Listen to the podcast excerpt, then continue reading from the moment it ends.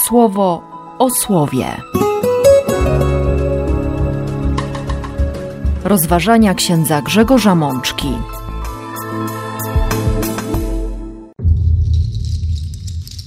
Pierwsza niedziela Wielkiego Postu, rok B. Z Księgi Rodzaju. Postanawiam zawrzeć takie moje przymierze z wami. Nie umrze już z powodu wód potopu żadna istota cielesna i nie będzie już zalania wodami dla zniszczenia całej ziemi. Z Psalmu 25.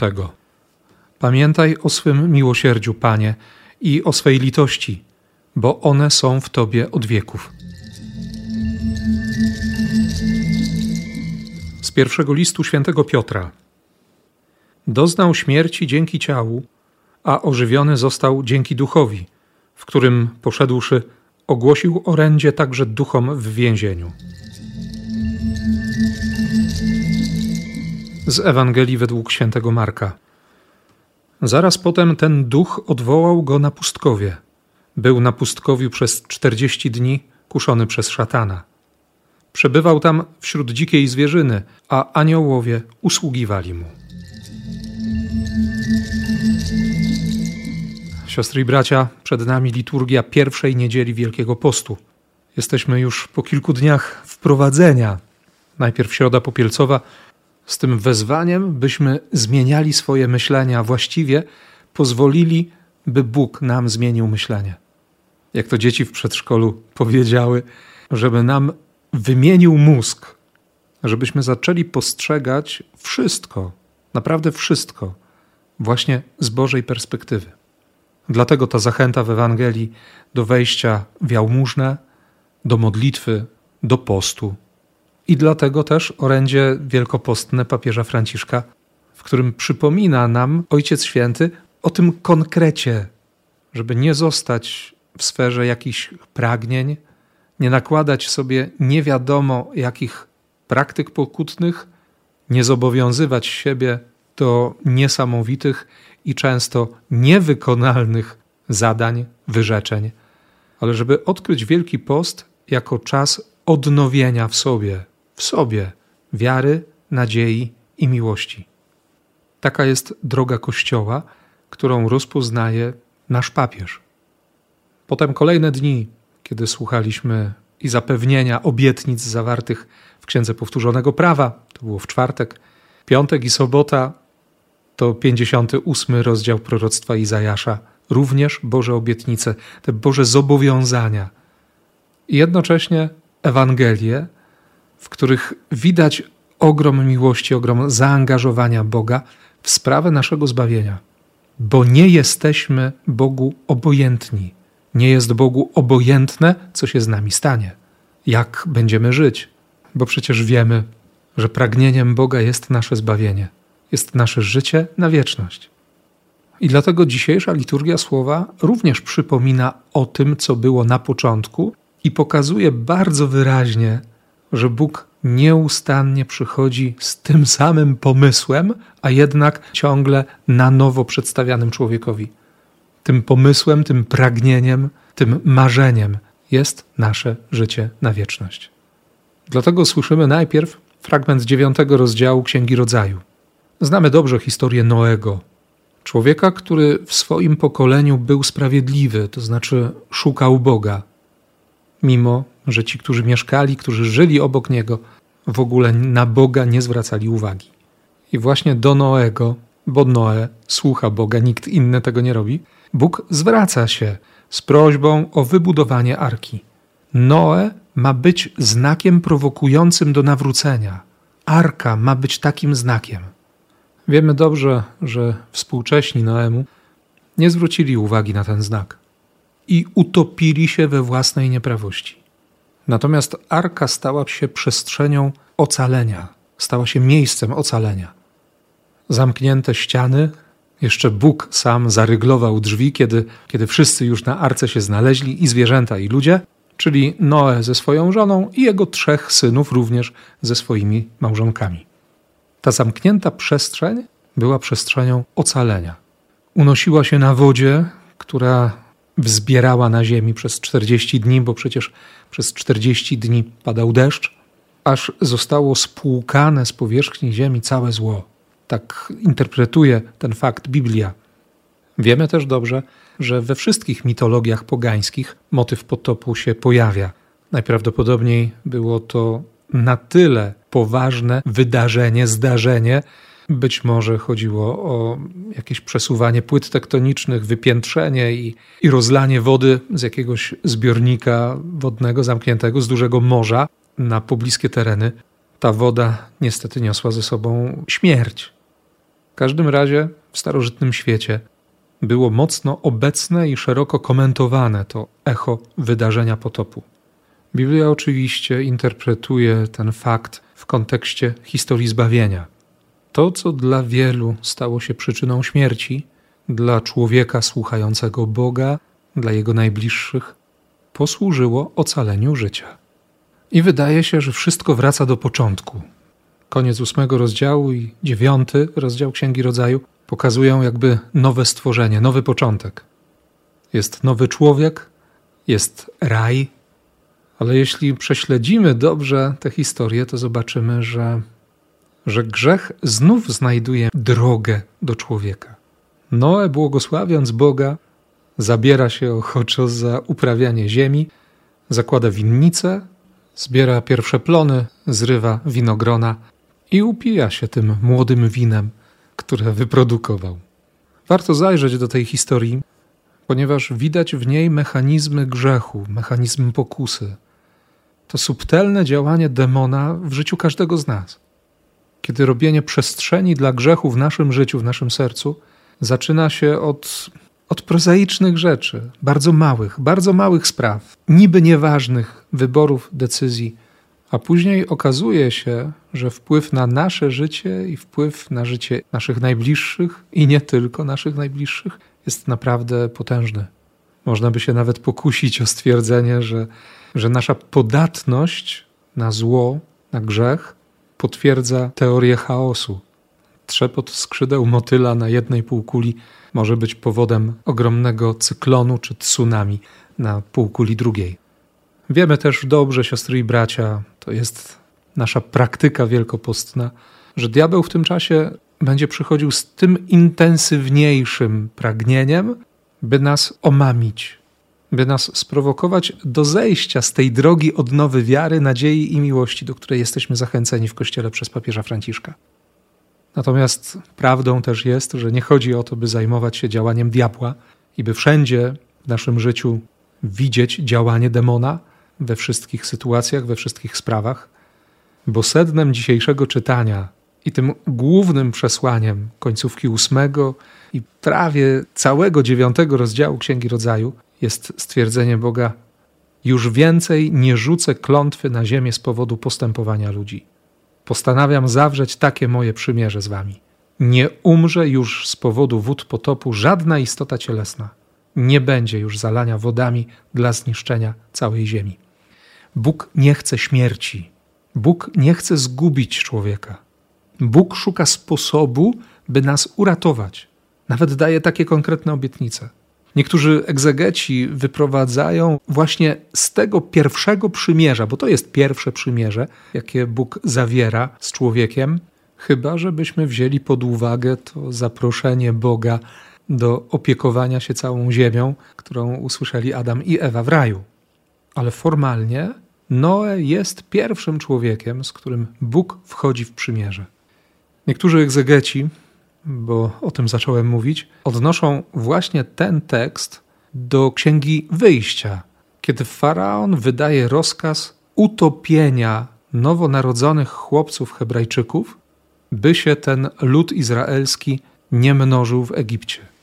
Faraon, jako człowiek wykształcony i znający trochę zarówno historię Izraelitów, jako ludu, który mieszka w jego ziemi, i mający świadomość tych opowiadań, które wiele set lat później zostaną zapisane właśnie jako Księga Początków, te pierwsze 12 rozdziałów Księgi Rodzaju, że każde działanie przeciwko Izraelitom, przeciwko temu ludowi, może spotkać się z gwałtowną reakcją, a nawet zemstą Boga, który jest ich Bogiem. którego wzywają, do którego się modlą, przed którym narzekają na swój ciężki los. Ale skoro Bóg obiecał, że już nigdy nie będzie potopu, że nigdy już nikt nie zginie przez wodę, a w całym starożytnym świecie funkcjonuje prawo, by, by karą, by odwetem za doznaną krzywdę było doświadczenie tej samej krzywdy przez krzywdziciela, to faraon postanawia topić chłopców, bo Bóg potopu już nie ześle. Jest to o tyle ważna informacja, że w tych wodach potopu my odnajdujemy zapowiedź chrztu.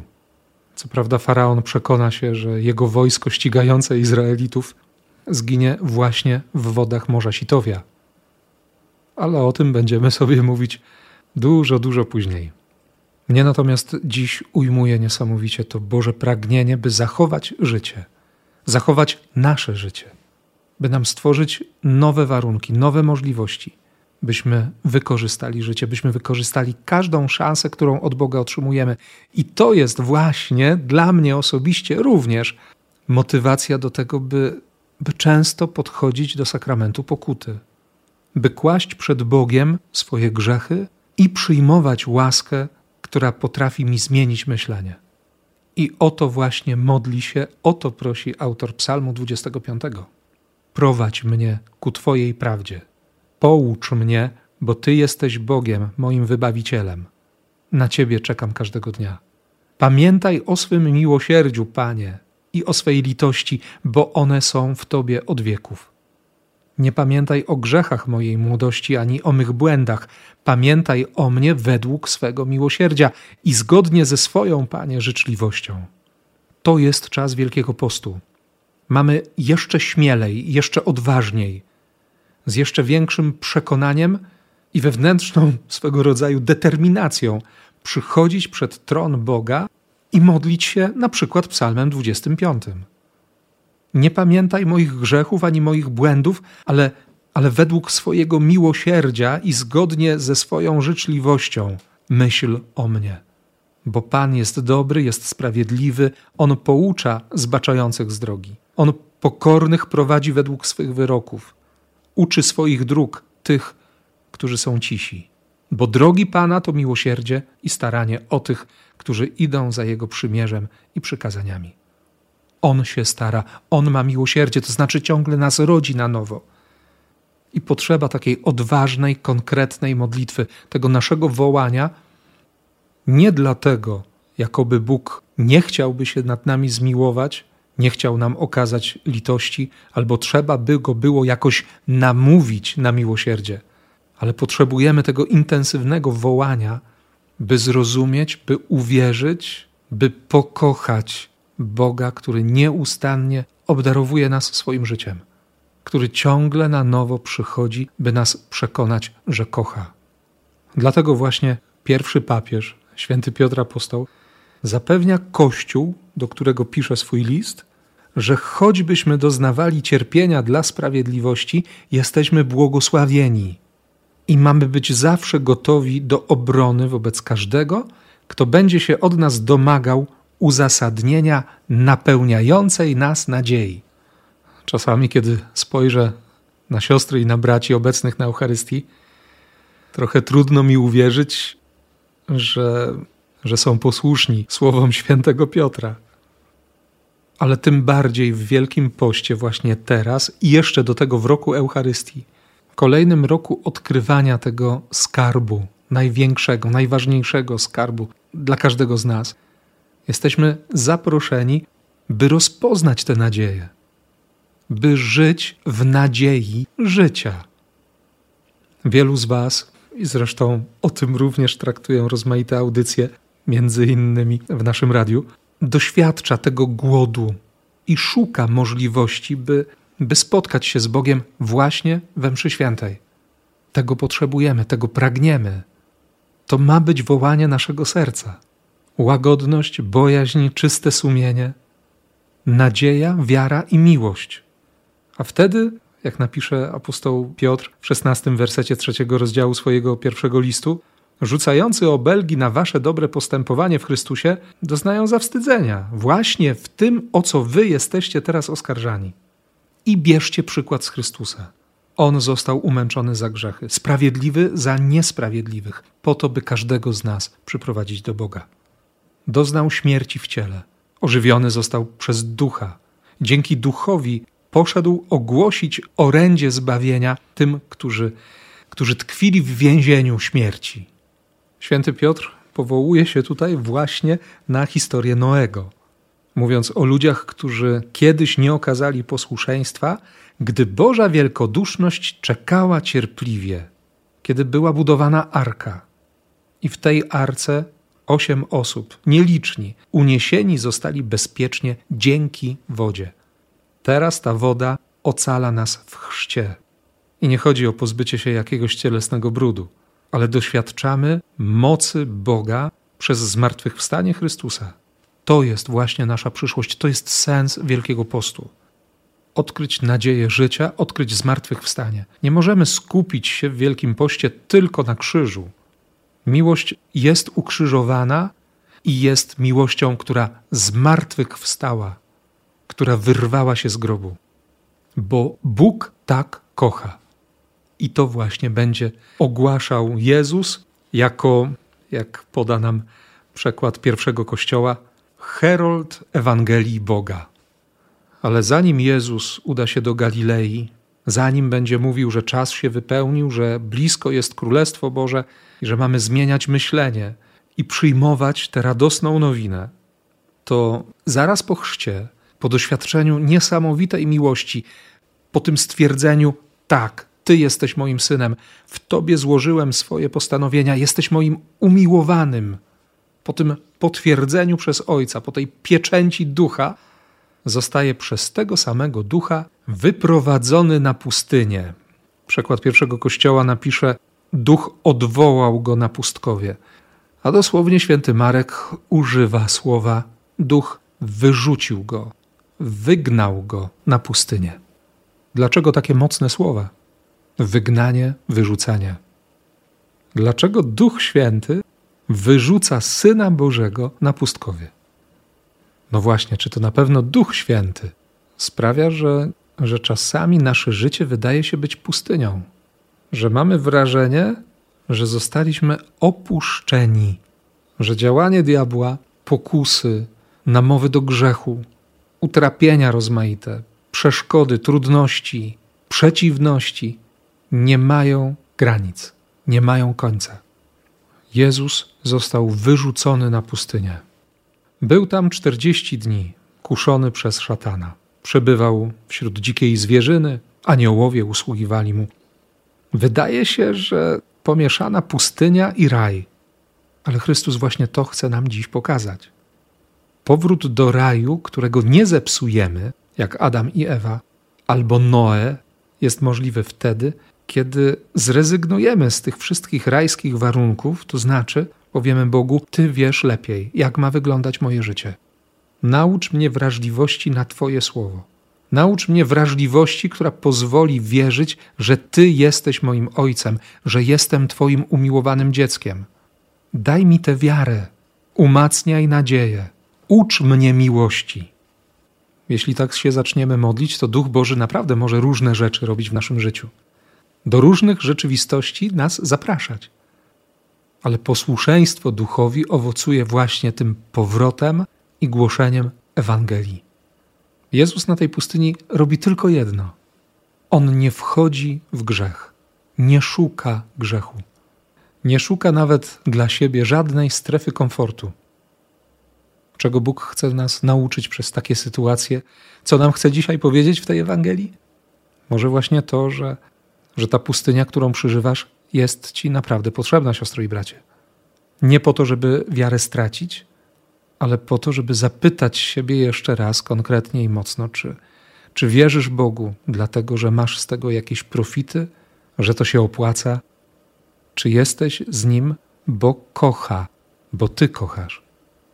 Może potrzeba nam takiego oczyszczenia wielkopostnego, żebyśmy zmierzyli się i spojrzeli prosto w oczy naszej zarozumiałości, naszej pysze, naszej porządliwości, która przybiera rozmaite formy. Może chodzi o to, aby, aby doświadczyć na nowo skruchy serca, uwolnienia, prawdy o nas, którą będziemy poznawać nie sami, ale razem z Chrystusem.